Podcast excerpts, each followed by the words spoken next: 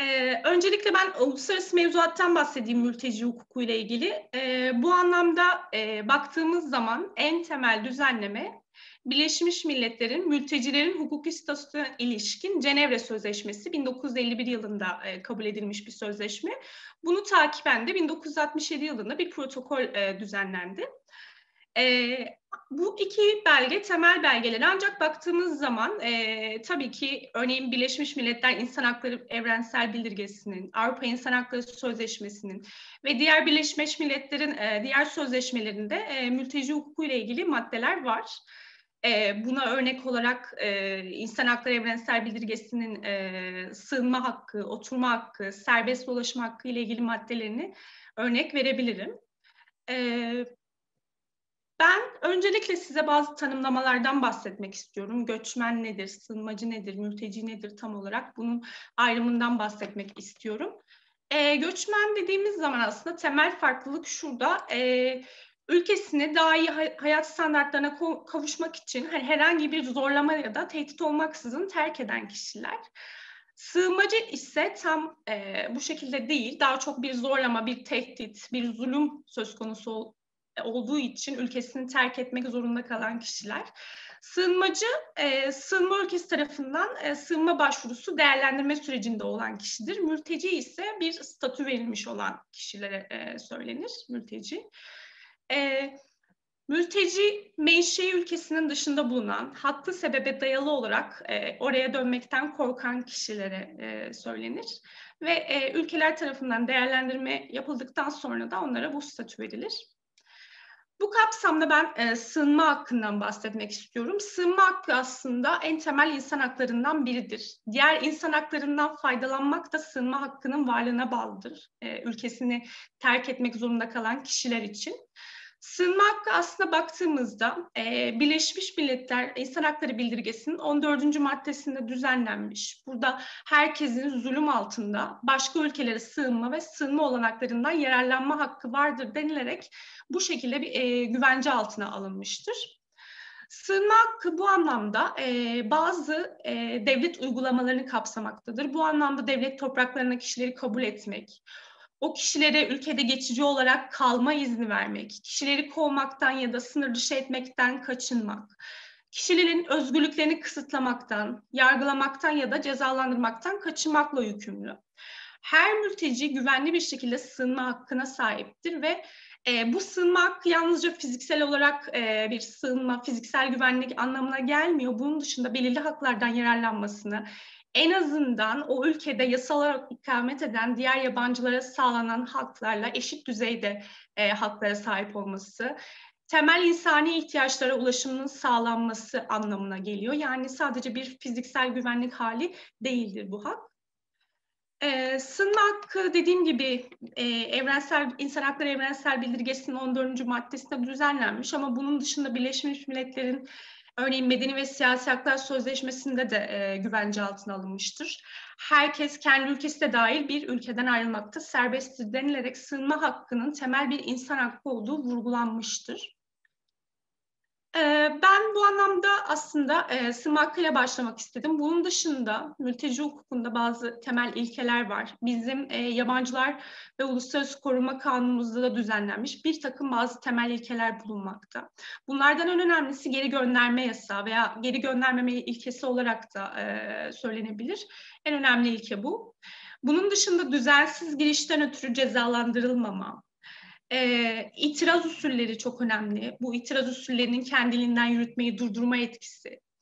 E, özel ihtiyaç sahiplerin ve ona onlara özgü işlemler. Bütün bunlar aslında bizim kanunumuzda da güvence altına alınmış. Ben burada en çok en önemli olan geri gönderme yasağından bahsetmek istiyorum.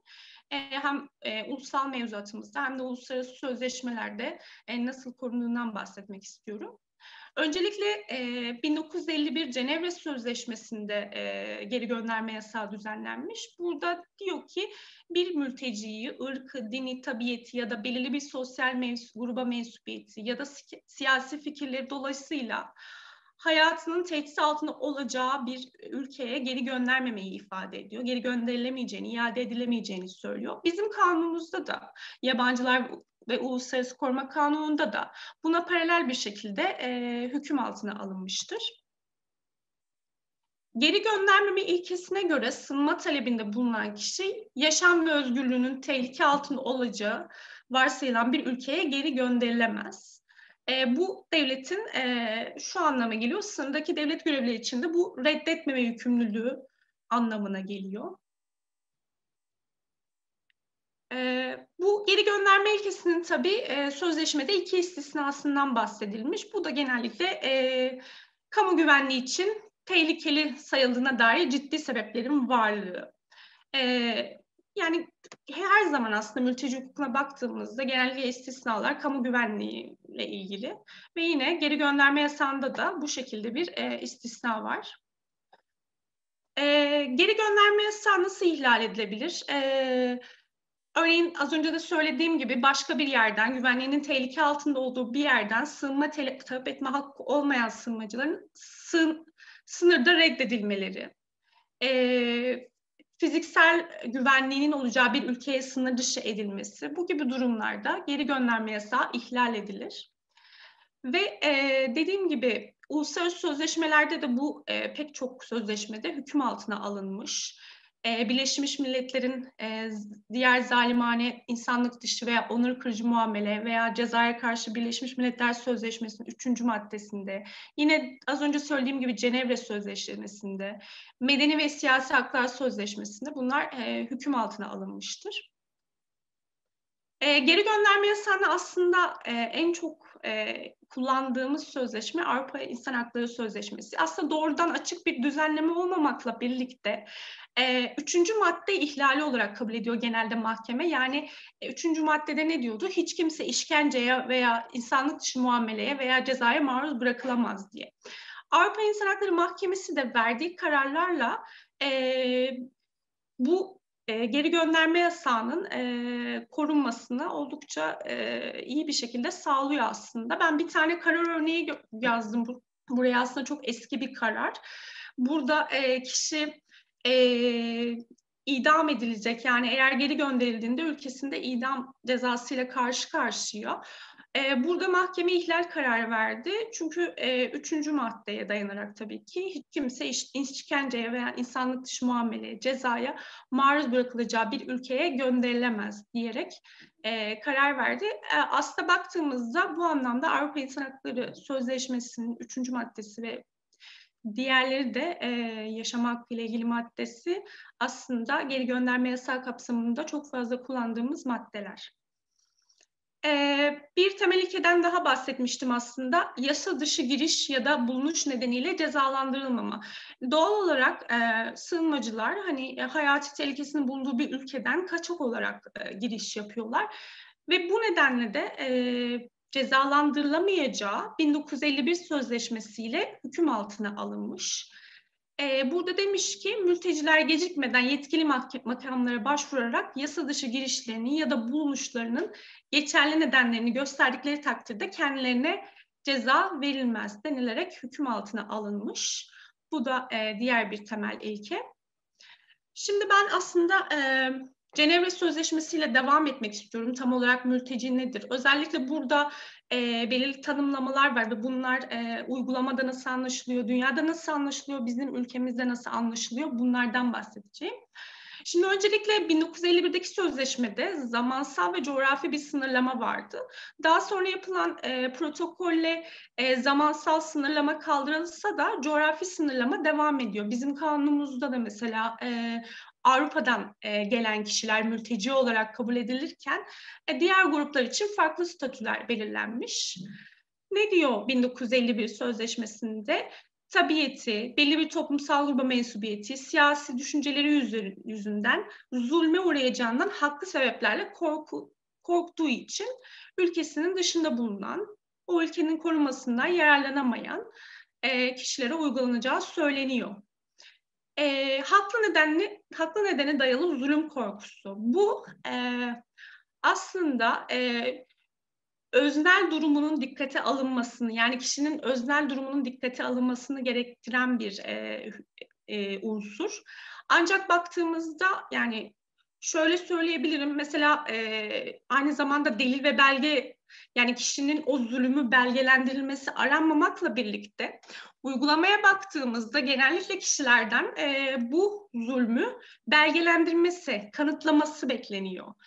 Ve bu da aslında bizim hani o kişiler için uluslararası koruma başvurusu e, yapmamızı imkansız hale getiriyor. Çünkü çoğu zaman hani bu kişi ülkesinden kaçarak geliyor ve e, o tehdit yani eşyalarını dahi alamadan çıktığı bir ülkeden gelen bir insanın hani o durumu belgelendirilmesini beklemek gerçekten çok kötü bir durum. Yani dediğim gibi aslında e, delil ve belgeleri yanında getirmesi kendisinden beklenemez deniliyor. Uluslararası hukukta bu şekilde anlaşılıyor ama e, bizim ülkemize baktığımızda e, kesinlikle e, delil ve belge aranıyor. Hani bunu nasıl çözüyoruz? Örneğin e, belli bir bölgede kadın yönelik e, ya da belli bir gruba yönelik e, ciddi tehditlerin olduğu bir yer. Biz ne yapıyoruz mesela? O ülkedeki sivil toplum örgütlerinin raporlarını kullanabiliyoruz delil olarak. Yani sistematik bir şekilde belirli bir gruba yönelik şiddet olaylarını o şekilde kanıtlayabiliyoruz. Ama e, söylediğim gibi bu pratikte çok ciddi bir sorun e, delil aranması. Belirli bir toplumsal gruba mensubiyet. Bir diğer e, sözleşmedeki tanımlamalardan bir diğeri de bu. Belirli bir sosyal toplumsal gruba mensubiyet ne demek? Hani kişinin e, doğuştan gelen ya da sonradan edinen bu özellikleri paylaşırlar. İlgi alanları, değerleri, davranışları ya da altyapıları. E, o belirli özel, özelliklerden vazgeçmesine, vazgeçmeye zorlamak o kişilerin temel insan haklarını ihlal etmek anlamına geliyor.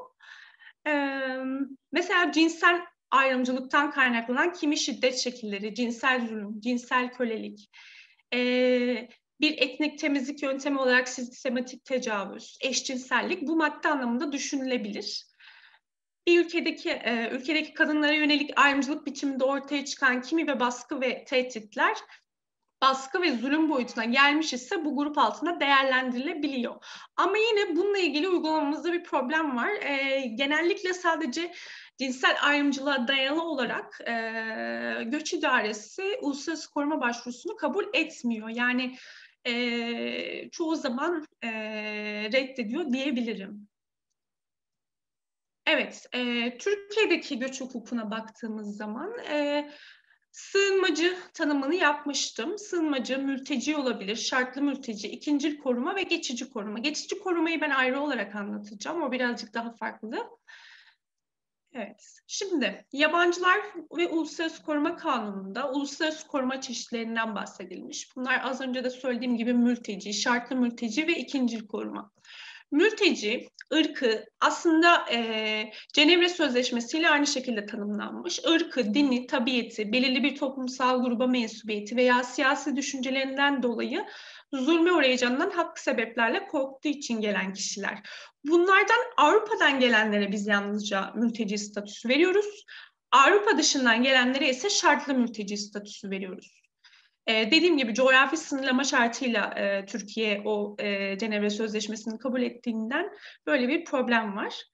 E, ikincil koruma ise daha çok e, mahkumiyet halleri için geçerli. E, eğer ülkesine geri gönderildiğinde e, ölüm cezası veya e, insanlık dışı bir cezaya, muameleye maruz kalacak kişiler için e, verilen bir uluslararası koruma statüsü biçimi.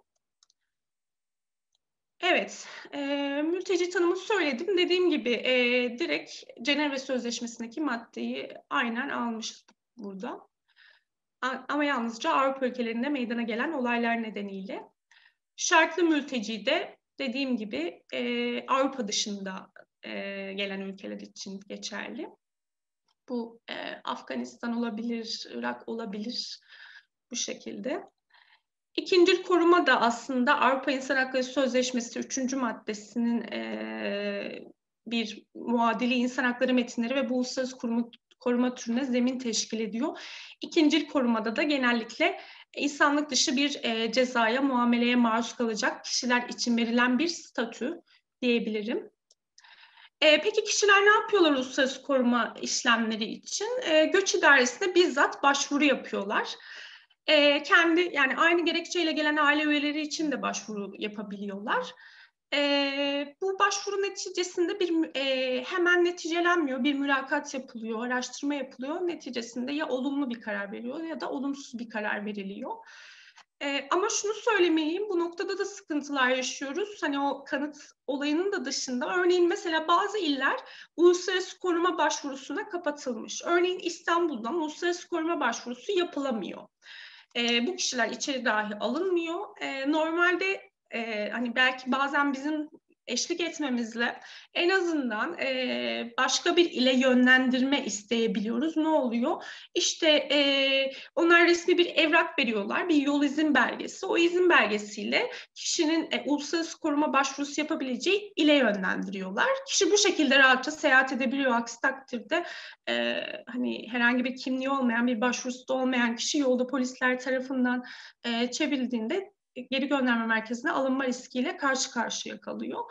Ee, İstanbul'da durum bu şekilde ve bu e, ciddi sıkıntılara sebep oluyor. Bazen aile üyelerinin bir kısmı İstanbul'da uluslararası koruma kimliği sahibi oluyor ama e, diyelim ki eşi geldi ya da e, çocuğu geldi. E, çoğu zaman e, başvuruları kabul edilmiyor. Hani farklı illere gönderiliyor, sonradan nakil yapması bekleniyor ama bu pratikte çok uzun ve zor bir süreç.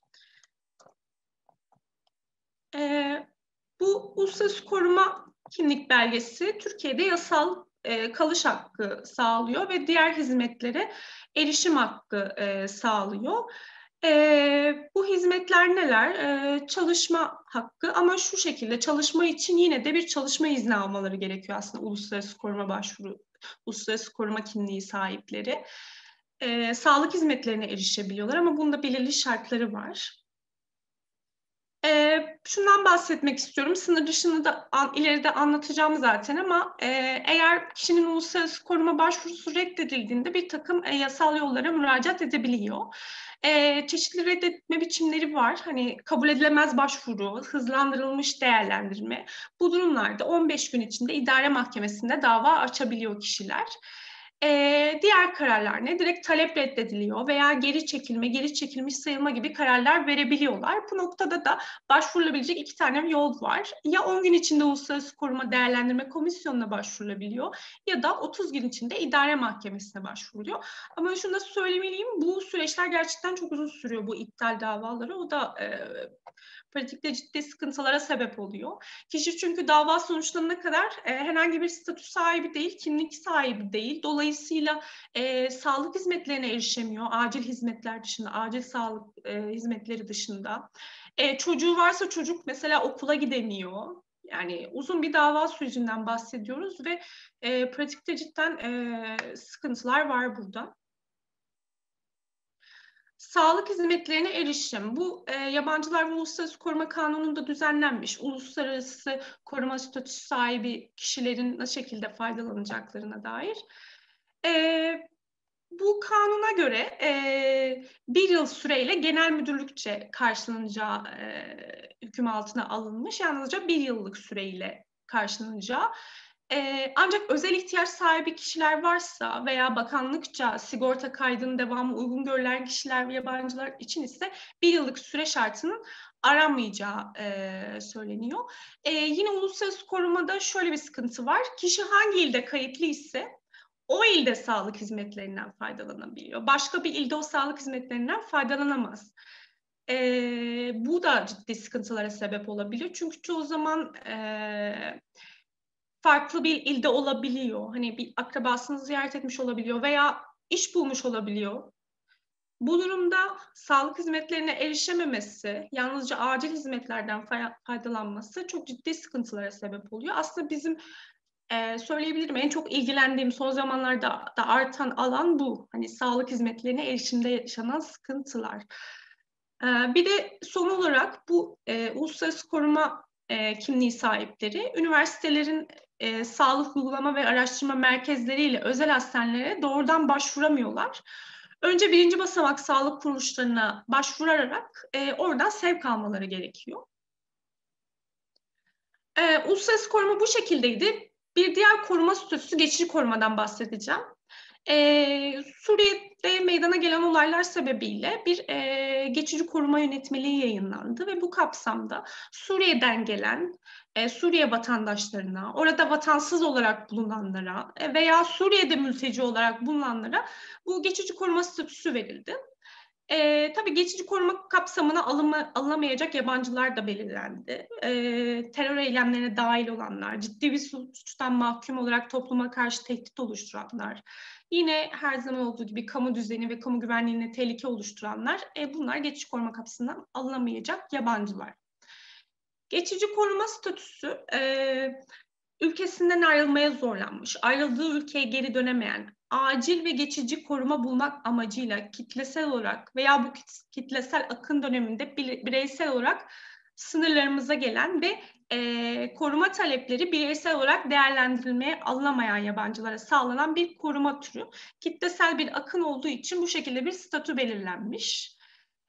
E, bu geçici koruma statüsünde de yine e, uluslararası mülteci hukukunun prensipleriyle desteklenmiştir. Yine yasa dışı giriş veya bulunuştan dolayı cezalandırılmama, geri gönderme yasağı ve sağlanan diğer haklar ve yükümlülükler bu şekilde desteklenmiş. Geçici koruma statüsü peki nasıl sona erebilir? Kişi hani bireysel olarak sona erebilir veya hükümet tarafından sona erdirilebilir.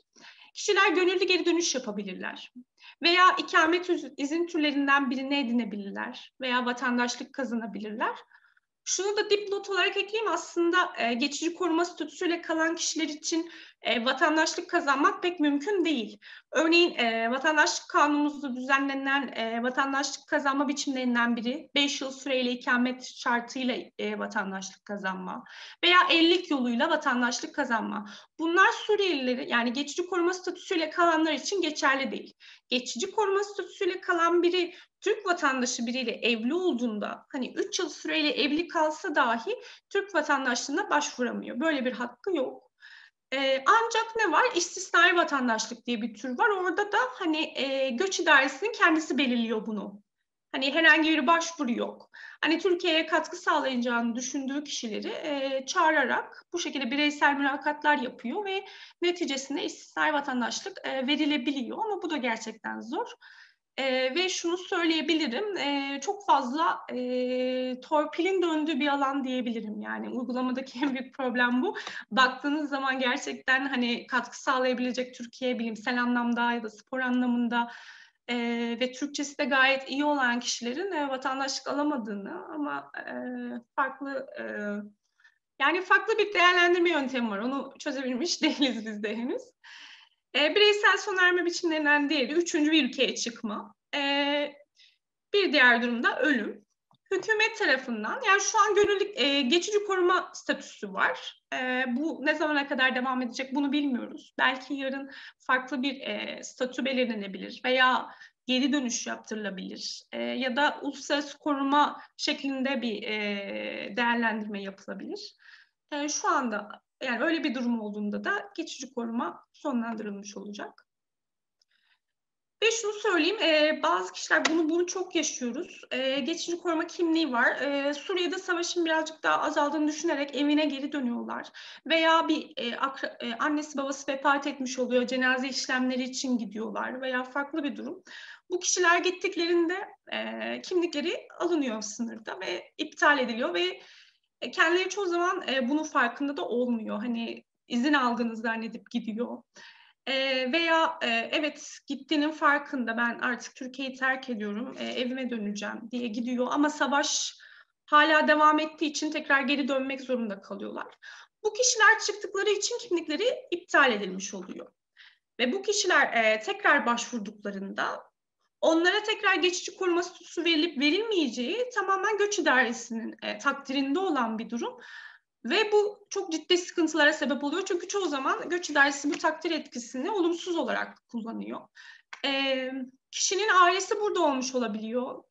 Veya e, hani ailesi burada kendisi Suriye'ye gitmiş, kimliği iptal edilmiş, tekrar geldi. Kimlik için başvuruyor ancak reddediliyor. Ama ailesiyle birlikte yaşama hakkı var. Hani e, bu göz görmezden geliniyor.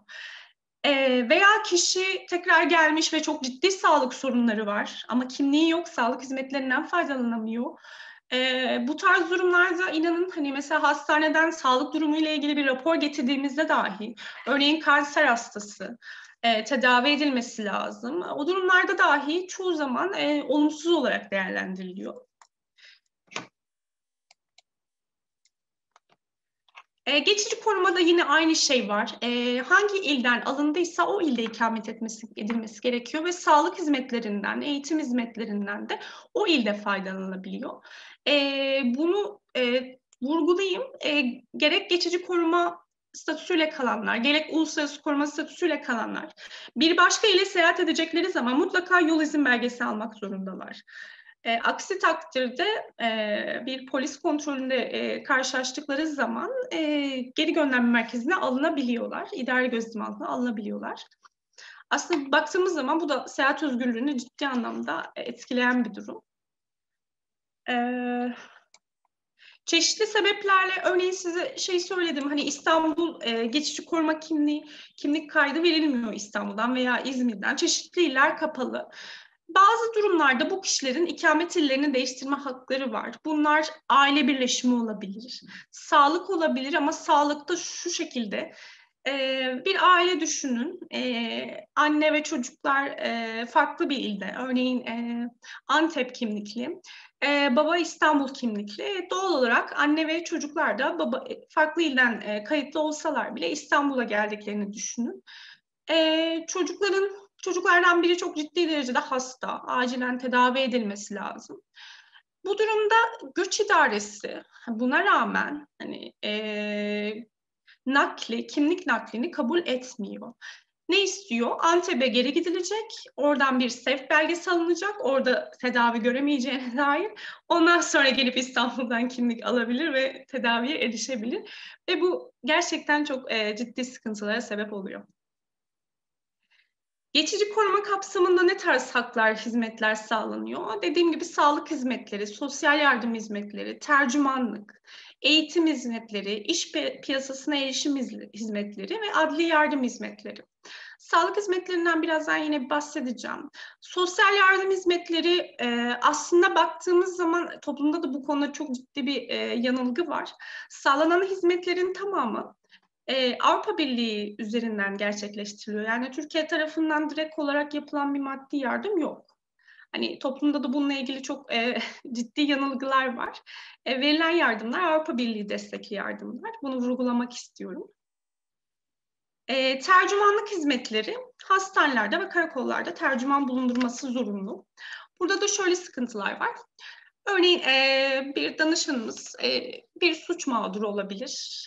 E, karakola gidecek ve e, şikayette bulunacak. Karakola gittiğinde normal şartlarda bunun için görevlendirilmiş birimler var, tercümanlık birimleri. Oradaki karakoldaki görevlilerin e, bir tercüman çağırması gerekiyor. Kişinin şikayetini alabilmesi için. Kişi çünkü Türkçe bilmiyor. E, ancak karakolda çoğu zaman bu yapılmıyor. Tercüman çağrılmıyor. Veya çağrılan bazı tercümanlar para istiyorlar şikayetçiden. Şikayetçi olacak kişiden. E, aslında bu tamamen illegal bir durum çünkü bu e, direkt olarak dediğim gibi e, tercümanlık hizmetlerinin ücretsiz olarak sağlanması gerekiyor. Ama biz uygulamada bununla çok karşılaşıyoruz. Çoğu zaman biz eşlik ederek kendi tercümanlarımız vasıtasıyla kişilerin şikayetçi olmasını sağlıyoruz. Ee, gelen kişiler hani e, karakola dahi gitmek istemiyorlar çünkü şunun farkındalar gitsem bile şikayetim alınmayacak. Şu tarz durumlarla karşılaşabiliyorlar örneğin e, şikayetçi olma, ülkene dön e, ya da işte şikayetçi olursan sınır dışı edilebilirsin gibi e, yanlış ifadeler söylenerek kişiler korkutuluyor. Yani bunu şöyle düşünün, şiddet mağduru bir kadın düşünün mesela karakola gidecek şikayetçi olacak. Hani imkansız hale geliyor gerçekten. Hani biz destekliyoruz ancak e, sonuçta kaç kişiye ulaşabiliriz orası şüpheli. Eğitim hizmetleri, e, bu da hangi ilde kayıtlıysa kişi orada e, eğitim hizmetlerinden yararlanabiliyor. İş piyasasına erişim hizmetlerinde ise e, bu da sıkıntı. Geçici koruma kimliği olsa dahi kişiler e, çalışma izni almak zorunda. Çalışma izni almadan çalışırlarsa bu e, hem cezası var hem de sınır dışı tehlikesiyle karşı karşıya kalabilir. Ama baktığımızda hani bununla ilgili veriler de vardı ben buraya koyamadım ama e, çoğunluğu kaçak olarak çalışıyor. Ve bu kişiler kaçak olarak çalıştığı için örneğin e, işçilik alacakları ile ilgili bize başvurduğunda, e, bir haksız muameleye tabi olduğunda e, başvurabileceğimiz şeyler sınırlı. Çünkü iş kanununa göre işçi olarak kabul edilmedikleri için oradaki güvencelerden yararlanamıyorlar. Hani borçlar kanunu genel hükümlere göre bazı işlemler yapıyoruz ama tabii ki de iş kanunundaki kadar kapsamlı değil. E, böyle bir sıkıntı var burada da. Adli yardım hizmetleri bu da e, Baro tarafından bunu biz de sağlıyoruz. E, kişilere avukat atanması, ekonomik durumu olmayan kişilere ücretsiz olarak avukat atanması. Türkiye vatandaşlarının sahip olduğu gibi mültecilerin de böyle bir hakkı var. E, sağlık hizmetlerine erişimden bahsettim. En önemli problem e, kişilerin sadece kayıtlı oldukları şehirde sağlık hizmetlerine erişimleri. Bu çok büyük bir sorun, çok vurguluyorum biliyorum ama en çok sorun yaşadığımız alanlardan biri. Hani devletler e, göçü sağlık yoluyla, sağlık hakkı üzerinden kontrol etmeye çalışıyorlar. Hani insanların bir süre sonra vazgeçeceğini düşünüyorlar. Ama e, sağlık e, çok hassas bir konu ve bu şekilde bir politika yürütülmesi gerçekten yanlış. Umuyorum ki ileride bu madde kaldırılıp e, her ilde sağlık hizmetlerine erişimleri sağlanacak. E, sağlık hizmetlerine erişimdeki bir diğer problem, kimlik kaydı bulunmayan kişiler e, sağlık hizmetlerine doğal olarak erişemiyorlar. Yalnızca acil hizmetlerden ya da bulaşıcı salgın hastalık durumlarında sağlık hizmetlerinden faydalanabiliyorlar. Normalde yapılması gereken şey şu, bir kişi acilden hastaneye girdi ki bu arada söylemeliyim o bile çok zor. Kimliksiz bir insanın inanın acilden hastaneye girebilmesi hiç kolay değil. Normalde hani diyeceksiniz ki e, tabii ki yani dünyadaki herkesin acil bir durum olduğunda e, girebilmesi lazım. Ama inanın iç, iç kanama geçiren bir insan bizim derneğimize geldi. Çünkü hani e, hastane kabul etmemiş. Hani acilden giriş yapamamış. Hani çoğu zaman biz ambulans çağırarak veya eşlik ederek bunu sağlamaya çalışıyoruz. Ama hastaneye kabulde dahi sıkıntılar yaşanabiliyor. Normalde böyle kimliksiz bir insan e, hastaneye başvurduğunda acilden girdi diyelim ki akabinde e, hastane tarafından bir yazıyla İl Göç İdaresi Müdürlüğü'ne yönlendiriliyor.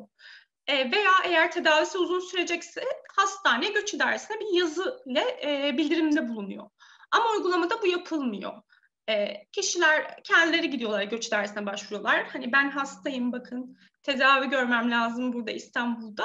E, çoğu zaman da bu reddediliyor. Hayır İstanbul kapalı Buradan kayıt olmaz. Başka ile gidin deniliyor ama kişilerin çoğu zaman gidebilecek kadar hani e, bir sağlık durumu çok kötü olduğu için gidebilme imkanı olmuyor. Ee, korona e, sürecinden bahsetmek isterim. Bu anlamda da çok ciddi sıkıntılar yaşadık. E, bununla ilgili e, korona hani acil sağlık hizmetleri gibi değerlendirildi. E, kimliği olsun veya olmasın bütün mültecilerin, bütün sığınmacıların e, korona ile ilgili koronadan korunmak için e, sağlık hizmetlerinden yararlanabileceğinden, her türlü ekipmandan, testten faydalanabileceğinden bahsedildi. E, bu güzel bir karardı ancak e, uygulamada yine sıkıntılar yaşadık burada. Çoğu zaman COVID hastaları hastaneye kabul edilmediler. Hani bunun şurada mantıksızlığı var. Yani o kişinin hem kendisi kendi sağlık durumu için kötü bir durum hem de toplumun sağlığı için de çok tehlikeli bir durum. Hani o kişiyi sonuçta test yapıp e, karantina altına almak gerekiyor ve bunu yapmadılar çoğu zaman. Bu noktada sıkıntılar yaşandı. Hastanedeki bir diğer problem dil engeli. Hastanede e, yeteri sayıda tercüman olmadığı için genellikle doktorlarla hastaların iletişiminde sıkıntılar oluyor. Biz dernek olarak hastane tercümanlığı e, birimimiz var. Bu şekilde desteklemeye çalışıyoruz. Hmm, bir de çok önemli geri gönderme merkezlerine sağlık hizmetlerinde yaşanan sıkıntılar var. Yine bu korona döneminde gerçekleşti. Denizli'deki geri gönderme merkezinde e, ciddi e, hak ihlalleri olduğu ortaya çıktı. Bazı sivil toplum örgütleri e, süreci yönettiler. E, hatta intihara kalkışanlar oldu. Çünkü söylendiğine göre e, koşullar çok kötü. Hani pek çok korona hastası var. E, yeteri kadar yemek verilmiyor. E, doktora erişim yok. E, bir kişi intihar etmeye kalktı ve akabinde bu duyuldu o şekilde bir e, kontrol sağlandı. Hani geri gönderme merkezlerinde de e, sağlık hizmetlerine erişimde çok e, ciddi sıkıntılar olduğunu rahatlıkla söyleyebilirim. Evet, umarım çok hızlı gitmiyorumdur. Ee, şimdi birazcık da sınır dışı ve idari gözetimden bahsetmek istiyorum. Bu noktada da çok ciddi sıkıntılar var. Benim kendi şahit olduklarım ve duyduklarım. Şimdi öncelikle sınır dışı etme kararı alınacaklar e, düzenlenmiş kanunumuzda. Vize ve ikamet süresi süresini 10 günden fazla aşan kişiler, kamu düzeni ve kamu güvenliği ya da kamu sağlığı açısından tehdit oluşturanlar, terör örgütü üyeliği veya ilişkisi olduğu değerlendirilenler, e, uluslararası koruma başvurusu reddedilenler, çalışma izni olmadan çalıştığı tespit, tespit edilenler, Türkiye'ye yasal giriş veya Türkiye'den yasal çıkış hükümlerini ihlal edenler veya bu ihlale teşebbüs edenler. Bunlar hakkında sınır dışı etme kararı alınabileceği kanunumuzda hüküm altına alınmış. Ve bazı kişiler için ise bunlar olsa dahi e, sınır dışı kararı alınamayacağını e, söylenmiş. Bunlar sınır dışı edileceği ülkede ölüm cezasına, işkenceye, insanlık dışı ya da onur kırıcı muameleye maruz kalacağı konusunda ciddi emaller bulunanlar. Yani bu aslında geri gönderme yasağının bir uzantısı.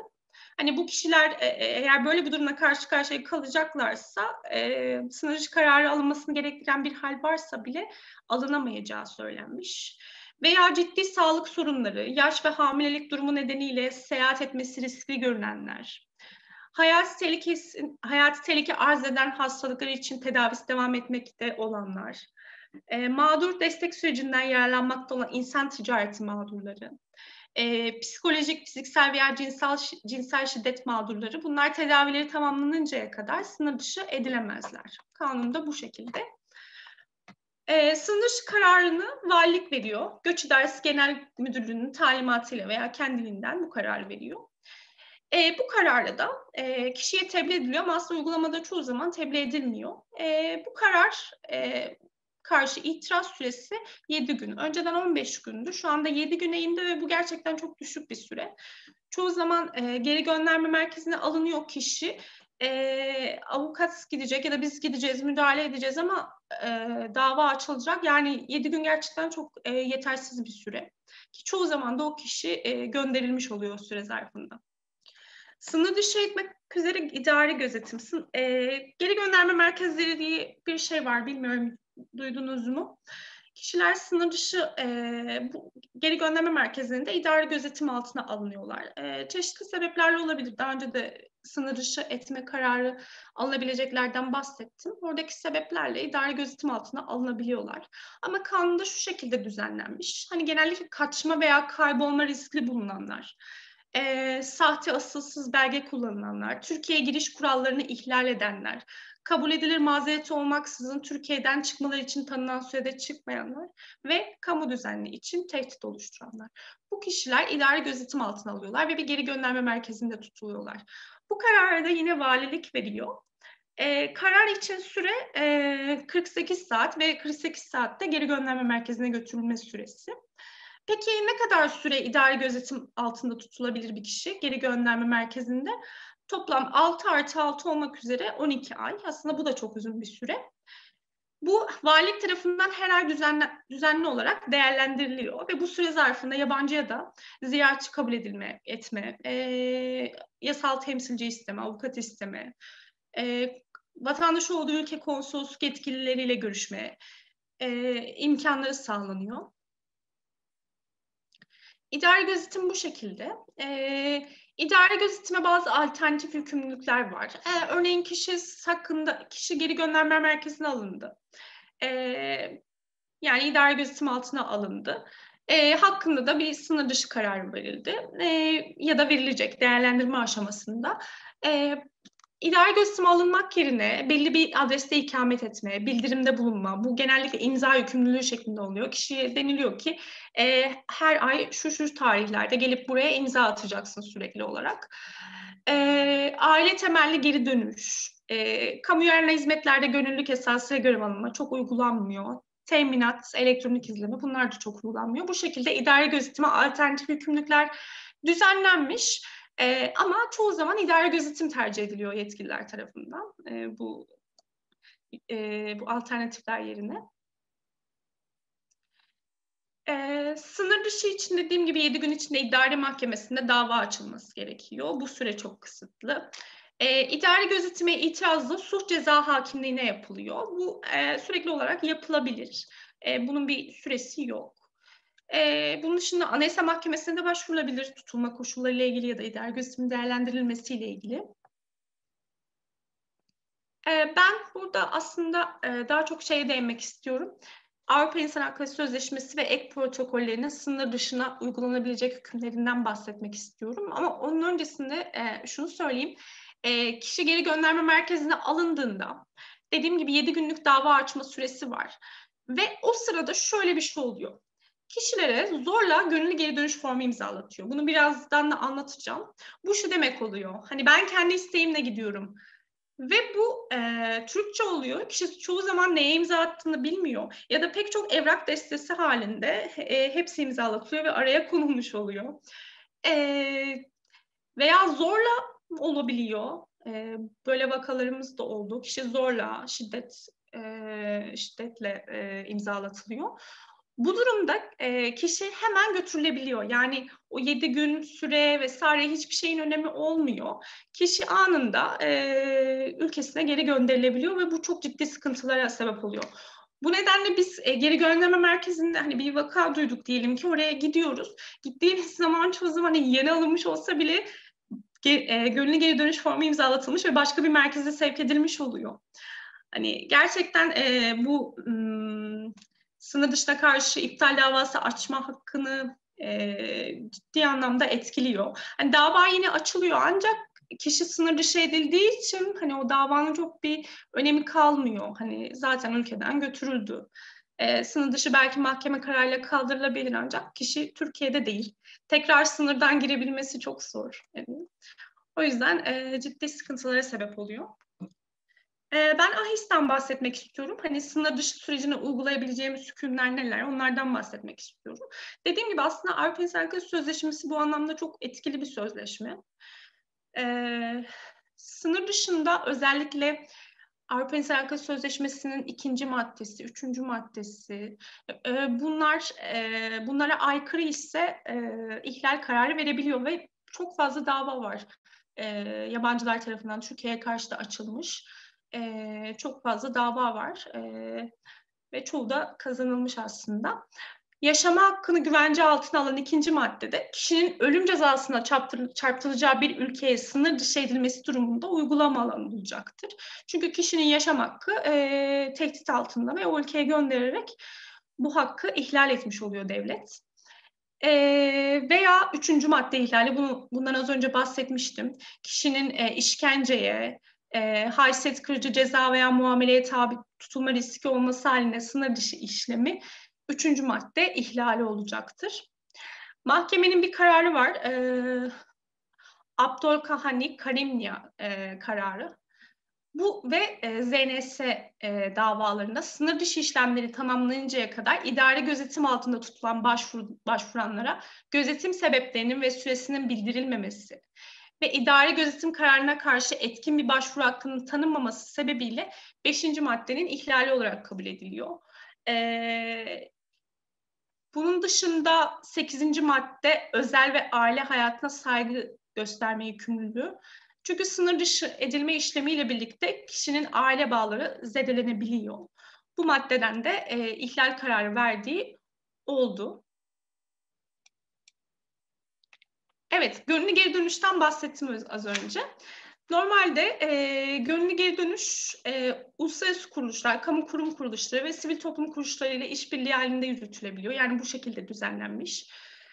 E, gönüllü geri dönüş yapıldığında kişilerin kimlikleri iptal ediliyor. Tekrar geldiklerinde, gönüllü geri dönüş yapmış bir kişi tekrar Türkiye'ye geldiğinde o kişilere tekrar bir statü verip verilmeyeceği tamamen e, idarenin takdirinde olan bir durum ve çoğu zaman da dediğim gibi reddediliyor. Ee, ve destekten yararlanarak Türkiye'yi terk eden e, yabancılar hakkında Türkiye'ye giriş yasağı kararı da alınabiliyor. Ben e, gönüllü geri dönüşle ilgili dediğim gibi en büyük sıkıntı geri gönderme merkezlerinde zorla e, bu formun imzalatılması. Uygulamada yaşadığımız en büyük problem bu. Veya şu da yapılabiliyor. Kişiler e, diyelim ki cenaze bir yakın bir akrabası, annesi babası vefat etti. Ee, Suriye'ye izin alarak gitmek istiyorlar ama onlara izin diye gönüllü geri dönüş formu imzalatılıyor ve tekrar ülkeye dönmeleri mümkün olmuyor. Ee, Birleşmiş Milletler e, Mülteciler Yüksek Komiserliği'nin bazı e, temel standartlar belirlemiş gönüllü geri dönüşle ilgili. Bunlar fiziki güvenlik, yasal güvenlik, maddi güvenlik ve toplumsal uzlaşı başlıkları altında toplanmış ilkeler. Bunlar e, gerekli olan temel koşulları e, ifade ediyor. E, fiziki güvenlik başlığı altında şiddet ve gideceği ülkede şiddet ve aşağılanma olmama, olmaması ve gönüllü geri dönüş yapılırken de bunun olmaması. E, güvenlik güçleri, adli makamlar ve insan hakları kuruluşlarının yeniden yapılanmasına yönelik adımlar. Yani bunlar e, hepsi bu e, başlıklar halinde e, Birleşmiş Milletler Mülteciler Yüksek Komiserliği'nin e, standartları. Ama tabii çoğu zaman bunlara uyulmuyor. Bir yandan bu standartlardan bahsederken bir yandan da e, zorla imza atılmasından bahsetmem gerçekten çok enteresan değil mi? Şimdi ben özellikle kadınların ve çocukların sorunlarından bahsetmek istiyorum. Kadın mültecilerin sorunlarından bahsetmek istiyorum. Çünkü tüm dünyadaki nüfusun, mülteci nüfusunun yüzde seksenini kadınlar ve çocuklar oluşturuyor ve bunların e, tüm sığınma sürecinde cinsiyete dayalı ayrımcılığa ve şiddete maruz kaldıkları bilinen bir gerçek. Özellikle mülteci kadınlar e, kaçışları öncesi veya kaçarken ya çoğu zaman e, yani Türkiye'ye kaçak olarak gelirken e, bunun için aracı kişiler var, kaçakçılar var ve bunlara para vererek bunu sağlıyorlar. Ve bu sırada fiziksel ve cinsel saldırıya, istismara maruz kalıyorlar. Ee, insan ticareti mağduru olabiliyorlar. Sığınma ülkesine geldikleri ülkede e, fiziksel fiziksel ve cinsel saldırıya, istismara e, maruz kalabiliyorlar. Eşlerinin istismarına bas, maruz kalabiliyorlar. Cinsel sömürüye ve fahişeliğe zorlanabiliyorlar. E, kadınlar, hani kadın mültecilerin sorunları gerçekten e, çok sıkıntılı ve Türkiye'de baktığımızda e, şunu söyleyebilirim. Mesela bana gelen başvurularda dediğim gibi biz her her türlü hukuki problemde destek sağlıyoruz. Ve baktığımda e, aile hukuku konuları çok yoğunluklu ya da e, maalesef toplumsal cinsiyete dayalı şiddet konusu da çok fazla. Ve bu tür durumlarda şunu görüyorum. Mesela özellikle Suriyeli mülteciler için söyleyebilirim.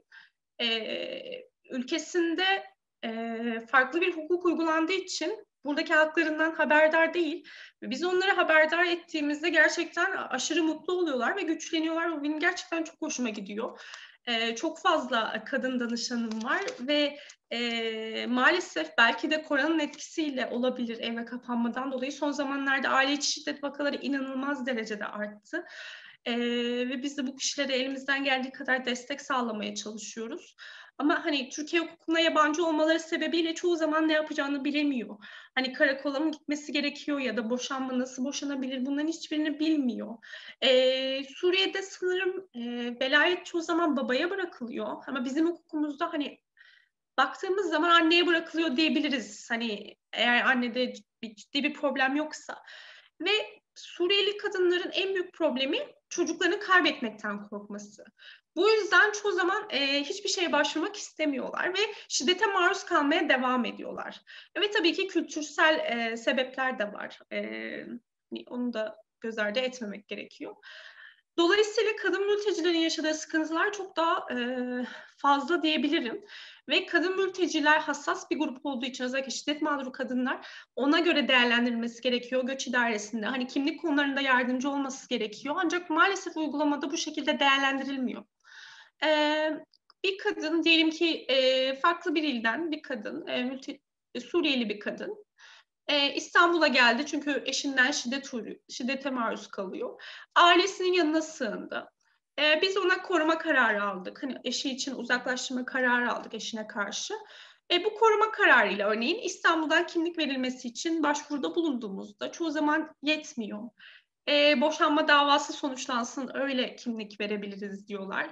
E, kimlik nakli yapabiliriz diyorlar ama bildiğiniz üzere boşanma davası Türkiye'de hani onlar için de bizim gibi geçerli Türk hukuku uygulanıyor. Boşanma davası çok uzun sürebiliyor, yıllar sürebiliyor ve yıllar boyunca bu kişi hani e, kimlik sorunuyla karşı karşıya kalmak zorunda kalacak. Hiçbir hizmete erişemeyecek ve bu ciddi bir sıkıntı. E, en azından hassas durumdaki kişiler için birazcık daha e, politikaların esnetilmesi gerekiyor.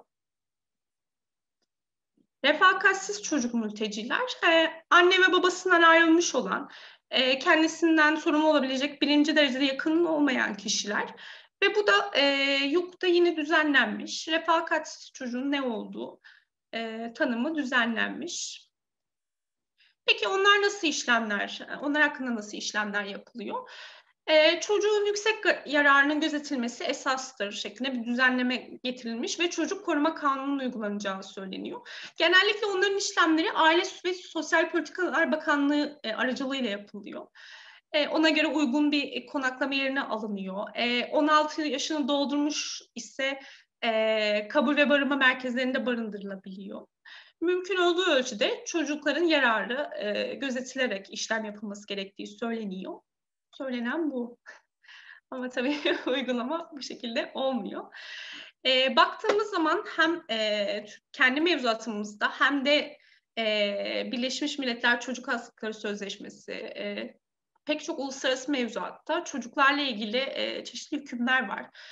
Bunlar için e, çocukların önce çocuk olduğunu tespit edilmesi, yetişkinliklerden yetişkinlerden ayrı özel bir muamele görmeleri, koruma altına alınmaları, e, sığınma prosedürüne erişimlerinin daha hızlı bir şekilde sağlanması, çocuğun yüksek yararı ilkesi ışığında bu işlemlerin titizlikle takip edilmesi, ve e, ayrım Birleşmiş Milletler Çocuk Hakları Sözleşmesi ve Çocuk Koruma Kanunu ışığında ilgili bütün devlet kurumlarının ayrım gütmek, gütmeksizin ister yerli ister yabancı olsun Türkiye'de bulunan bütün çocukların yüksek yararını gözetecek şekilde koruma ve destek tedbirlerini alma yükümlülüğü vardır aslında. Ama baktığımız zaman e, hani e, çoğu zaman mahkemelerden karar almak dahi zor oluyor. Aile içi şiddet e, vakası diyelim. E, şunu da söylemeliyim, çoğunlukla baktığımızda mülteciler e, dini nikahla evli oluyorlar ve dini nikahla evliliklerde e, tabii ki e, daha farklı bir e, durum söz konusu. Çünkü resmi boşanma diye bir işlem yok. E, medeni kanuna göre velayet direkt anneye ait aslında. Anne çocuğunu alabilir. Nasıl vakalarla karşılaşıyoruz? E, dini nikahlı bir evlilik var. E, çocuk, anne şiddet mağduru veya değil fark etmez. E, baba gelip çocuğu kaçırıyor mesela. Baba gelip çocuğu kaçırdığında hani e, aslında velayet hakkı zaten annede. Hani resmi bir evlilik yok. E, kimliğinde bekar yazıyor. Mahkemeye başvurup tedbir kararı istiyoruz. E, ancak aile mahkemesine başvurarak aile mahkemeleri bu konuda karar vermekte çekiniyorlar. Yani biz istiyoruz ki çocuğu teslim edin, bu konuda bir tedbir kararı verin. Bazen veriyorlar ama çoğu zaman vermiyorlar. E, çoğunlukla şunu söylüyorlar, yabancı oldukları için onların e, evlilik durumlarını bilemeyiz. Ama halbuki göç idaresinde kayıtlar tutuluyor. Mahkemenin yapması gereken göç idaresine bir yazı yazıp kişilerin e, durumlarını gösterip bir müzekkere yazılmasını istemek. Ama bunu yapmıyor. Çoğu zaman direkt reddediyor. E, mecburen savcılık kanalıyla halletmeye çalışıyoruz. Savcılığa başvuruyoruz çünkü o bir suç aynı zamanda. Çocuk kaçırma suçu, velayet hakkı yok. E, savcılık aracılığıyla çözmeye çalışıyoruz ama o da çok uzun sürüyor.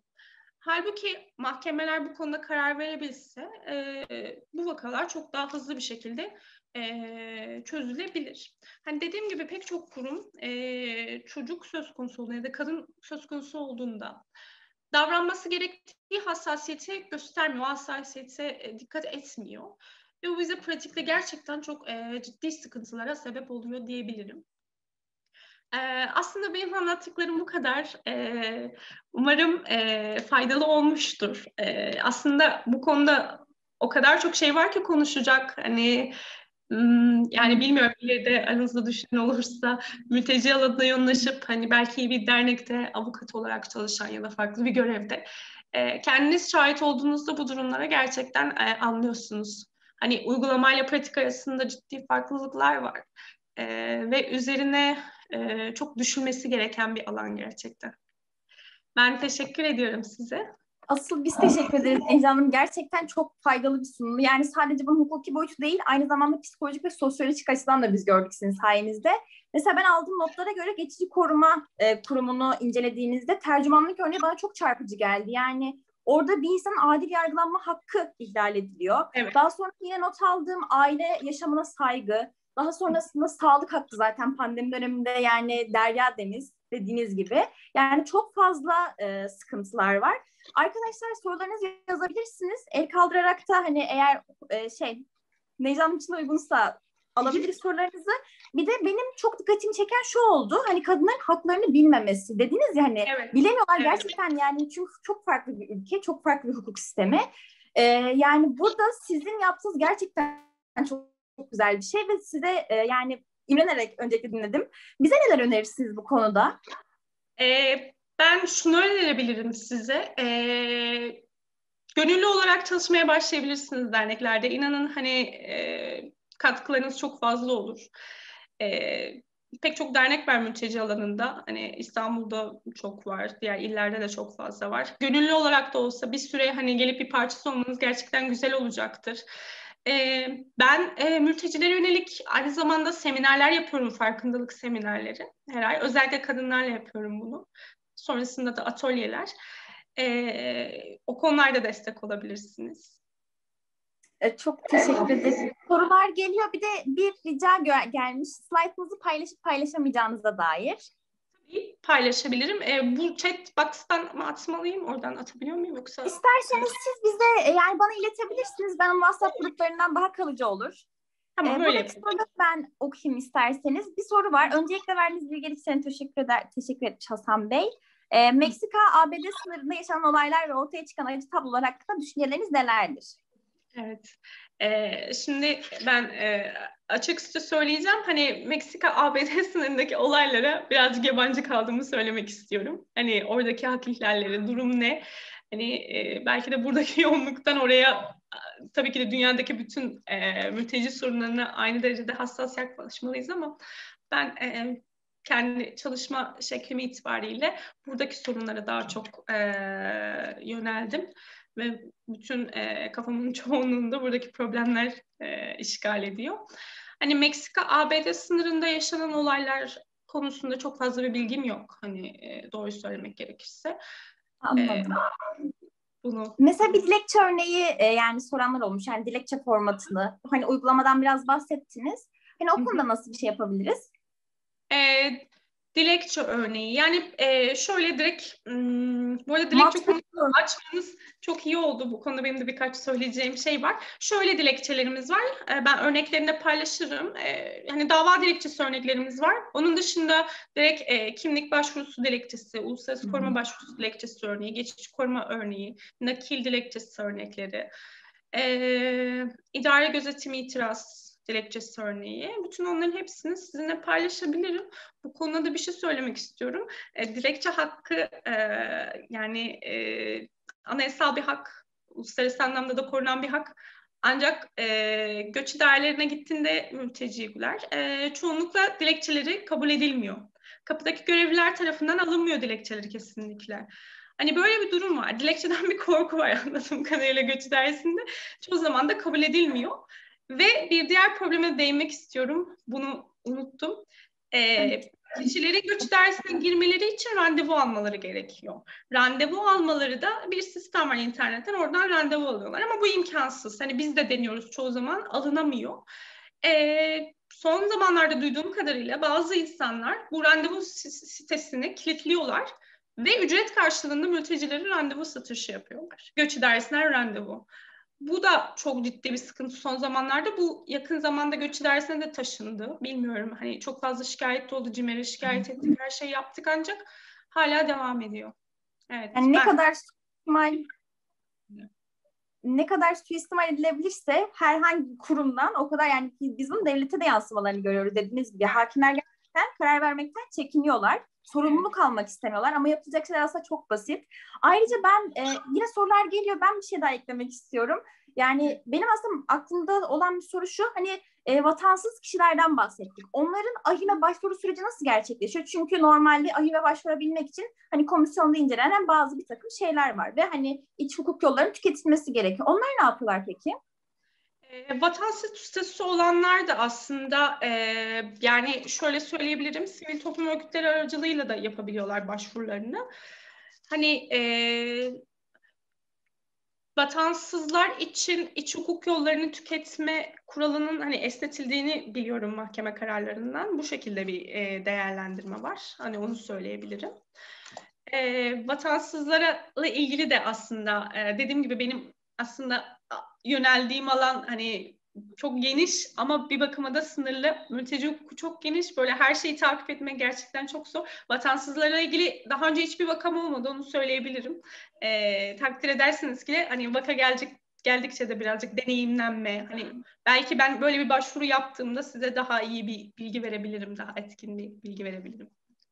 Teşekkür ederiz. Az önce birisi el kaldırmıştı. Sanırım Aydancığım sen kaldırdın, doğru mu? İstersen e, söz mikrofonu açabilirsek host arkadaşımdan rica edeyim. E, evet ben sormuştum. Öncelikle çok güzel bir etkinlikti, çok verimliydi. Teşekkür ederim emeği geçen herkese. E, benim sorum şu olacaktı. Burada Türkiye'de uygulamada yaşanan sorunlardan bahsettiniz aslında bir noktada. Ve hani bu kadar sorun hatta ya bu kadar ciddi sorunlar yaşanmasına rağmen neden diğer Avrupa ülkelerindense Türkiye'de bu kadar yani diğer Avrupa ülkelerine göre Türkiye'de bu kadar fazla mülteci olmasının sebebi ne soracaktım. Evet, onu söyleyeyim şimdi. Ee, biliyorsunuz e, özellikle e, Suriye kitlesel e, mülteci akınında şöyle bir durum oldu. Avrupa Birliği ile Türkiye arasında anlaşmalar imzalandı. E, buna göre de hani Türkiye'de bir geçici koruma statüsü verildi Suriyelilere ve e, Avrupa'ya gitme diye bir durum yok aslında şu anda. Yani resmi olarak gitmek için şöyle bir durum var. E, bu ülkeler her bir Avrupa ülkesi belirli zamanlarda e, kontenjan açıyorlar diyebilirim. Şu kadar mülteciyi, şu kadar Suriyeliyi ya da şu kadar e, uluslararası koruma statüsü sahibisini kabul edebiliriz diye bir e, kontenjan açıyorlar. E, ama bunlar çok az, aşırı derecede az, çok sınırlı. Ve ona göre de göç idaresi takdir ederek e, kendiliğinden kişileri çağırıyor ve e, üçüncü ülkeye yerleştirme gerçekleşiyor. Aslında şu anda e, Suriyelilerin Avrupa'ya gitmesi diye bir durum söz konusu değil. Kaçak yollarla gidenler var ama e, zaten sınır da kapalı. Ve 2-3 gündür çok fazla Yunanistan sınırında yakalanan da mülteci var. Bize çok fazla vaka geliyor. Yani şu anda Avrupa'ya başvurma diye bir durum söz konusu değil Suriyeliler için. Yalnızca onların belirlediği kontenjan dahilinde göç idaresi aracılığıyla bir yerleştirme söz konusu. Üçüncü ülkeye yerleştirme. Onun dışında e, yok. Yani bu devletlerin politikası aslında. Teşekkür ederiz. Ee, Necla Hanım size e, direkt olarak gelen mesaj var mı? Sohbet kısmında? Ee, onu göremedim. Hani genel de var. Ee... Tamam. Acaba şeyden hemen e, YouTube'da ayrıca soru var mı? YouTube'da çünkü takip, orada da takip eden arkadaşlarımız var etkinliği. Onun için bir bakalım. Arkadaşlar sormak istediğiniz bir şey varsa e, sesinizi açarak da yapabilirsiniz. Daha rahat olur sizin için. Sanırım yok ayrıca. Ee, bir sorumuz var. Evet. Sorabilirsiniz isterseniz. Açıp mikrofonu.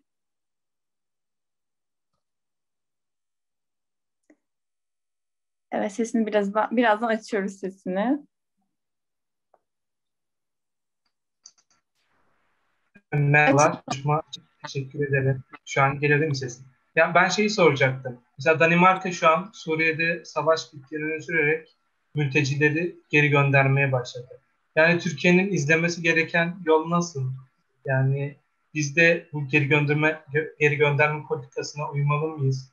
Veya biz nasıl bir şey yapmalıyız? Çünkü zaten bir çok büyük bir nüfus Suriyeli var. İleride ne olacağı da belli değil yani. Bunu soracağım. Teşekkürler. Evet. Ee, şöyle söyleyeyim yani Türkiye'nin uygulaması gereken politika yani e, kendi düşüncem. E, tabii ki de aslında e, şunu belirterek başlamak istiyorum. Biz e, bize danışanlar geldiğinde mülteci danışanlar, Suriyeliler onlara çeşitli sorular soruyoruz. Mesela Suriye'ye dönmek ister miydiniz diye soru sorduğumuz aslında çoğunu evet diyor. Bazıları dediğim gibi gidiyor ama durumlar hala kötü olduğu için hani mesela gittiğinde e, evi yok. Hani bomba atılmış ve evi artık yaşayabileceği bir alan yok, iş yok, hiçbir şey yok. O yüzden tekrar geri dönüyor. Hani bence bir pilot bölgeleri oluşturulabilir sınırlarda. Hani e, oralara yerleştirme yapılabilir, koşullar iyileştirilebilir. Çünkü hani geçici koruma statüsü de çok sınırlı bir statü ve e, hani nereye kadar bu şekilde devam edecek, nereye kadar bu insanlar bu şekilde yaşayacaklar ve nereye kadar Türkiye e, bu şekilde destek olabilir. E, sonuçta Avrupa Birliği'nin sağladığı destekler de belki de bir süre sonra bitecek. Hani o durumda ne yapılacak? Bunlar ciddi sorunlar. Bence sınırda e, güvenli bölgeler oluşturulup oralara yerleştirme yapılabilir. Hani yavaş yavaş iyileştirmeler sağlanabilir. E, en doğru yol bu olur diye düşünüyorum. Ama şu da var hani burada doğmuş kişiler var, doğmuş çocuklar var ya da burada uzun zamandır çalışan, e, üniversite eğitimi almış bir işte çalışan insanlar var. Onların da gitmesini beklemek çok doğru gelmiyor bana. Hani düşünsenize çocuk burada doğmuş ve tamamen buraya ulaşmış. Sosyal çevresi burada oluşmuş. Belki Arapça bile bilmiyor. Hani o kişinin dönmesini beklemek de çok e, mantıklı değil. Teşekkürler. Evet.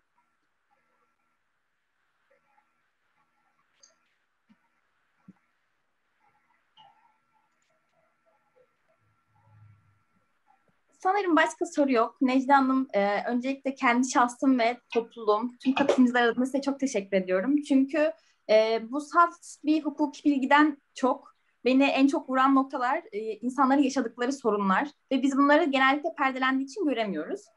Bizim için çok güzel oldu bu. Çok teşekkür ederiz katıldığınız ben teşekkür için. ederim. Bu arada e, şu bilgiyi de vereyim. E, dediğim gibi e, hani gönüllülükten bahsettim bilmiyorum. Hani katılımcılarımızın e, öğrenci oluşturuyor çoğunluğunu yoksa e, nasıl bilmiyorum ama Genellikle şu anda... öğrenci. E, derneğimizde de gönüllülük imkanları var. E, internet sitemizden bulabilirsiniz. E, mülteciler.org.tr Ben aslında onu paylaşmıştım.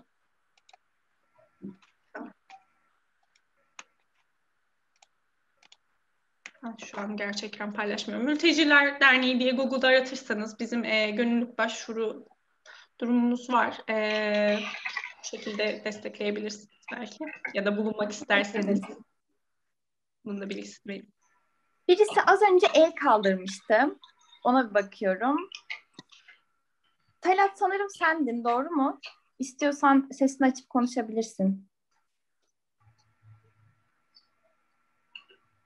Yanlışlıkla da olabilir. Bir soru daha gelmiş. Ee, evet, evet. Ee, ben e, kaldırdım. Ben aslında küçük bir soru sormak istiyorum. E, şimdi bildiğimiz üzere e, arkadaş da bahsetti, e, yazmış daha doğrusu soru yönetmiş konuyla ilgili. Amerika'da işte Trump yönetimi Meksika duvarı çekip işte Meksikalıların o göçünü bir nebze olsun engellemeye çalıştı. Avrupa'nın bizim Avrupa ile yapmış olduğumuz anlaşmanın e, böyle bir niteliği var mıdır sizce? Yani Avrupa aslında burada bir Meksika duvarı vari bir duvar mı çekmek istedi bu anlaşma yaparak kendi sırtına binecek yükü Türkiye'ye yükleyerek işte Türkiye'nin o ekonomik beklentisini karşılamak amacıyla mı böyle bir şey yaptı? Yoksa e, tamamıyla hani insancıl bir yaklaşım mıydı bu? E, onun aslında ben e, sorusunu sormak istiyorum ve şu hani e, Suriyelilerin işte o pilot bölge oluşturulmaya çalışılıyor e, düşüncesi var ve öyle bir şey de yapılıyor gerçekten. Şu an Suriye sınırının ötesine içmento fabrikaları yapılmaya başladı. Birçok e, şey şirket orada çalışma yapıyor ve işte hastaneler falan yapıldı gerekse bölgelere. İşte orada yeni yapılanmaya çalışılıyor. Türk doktorları gidiyor vesaire. Ee, bir bölge oluşturulmaya çalışıyor ama bununla ilgili Avrupa'dan da aslında olumlu e, dönüt almıyoruz. Türkiye'den tamamen çıkmamızı istiyorlar. E, bu konudaki görüşünüz nedir? Ee, öncelikle şunu söyleyebilirim ben e, yani devletlerin mülteci alanındaki politikaların hepsini iki yüzlü buluyorum. Hani gerek Avrupa Birliği'nin gerek Türkiye'nin de. Hani bunun e, örneklerini gördük yakın zamanda.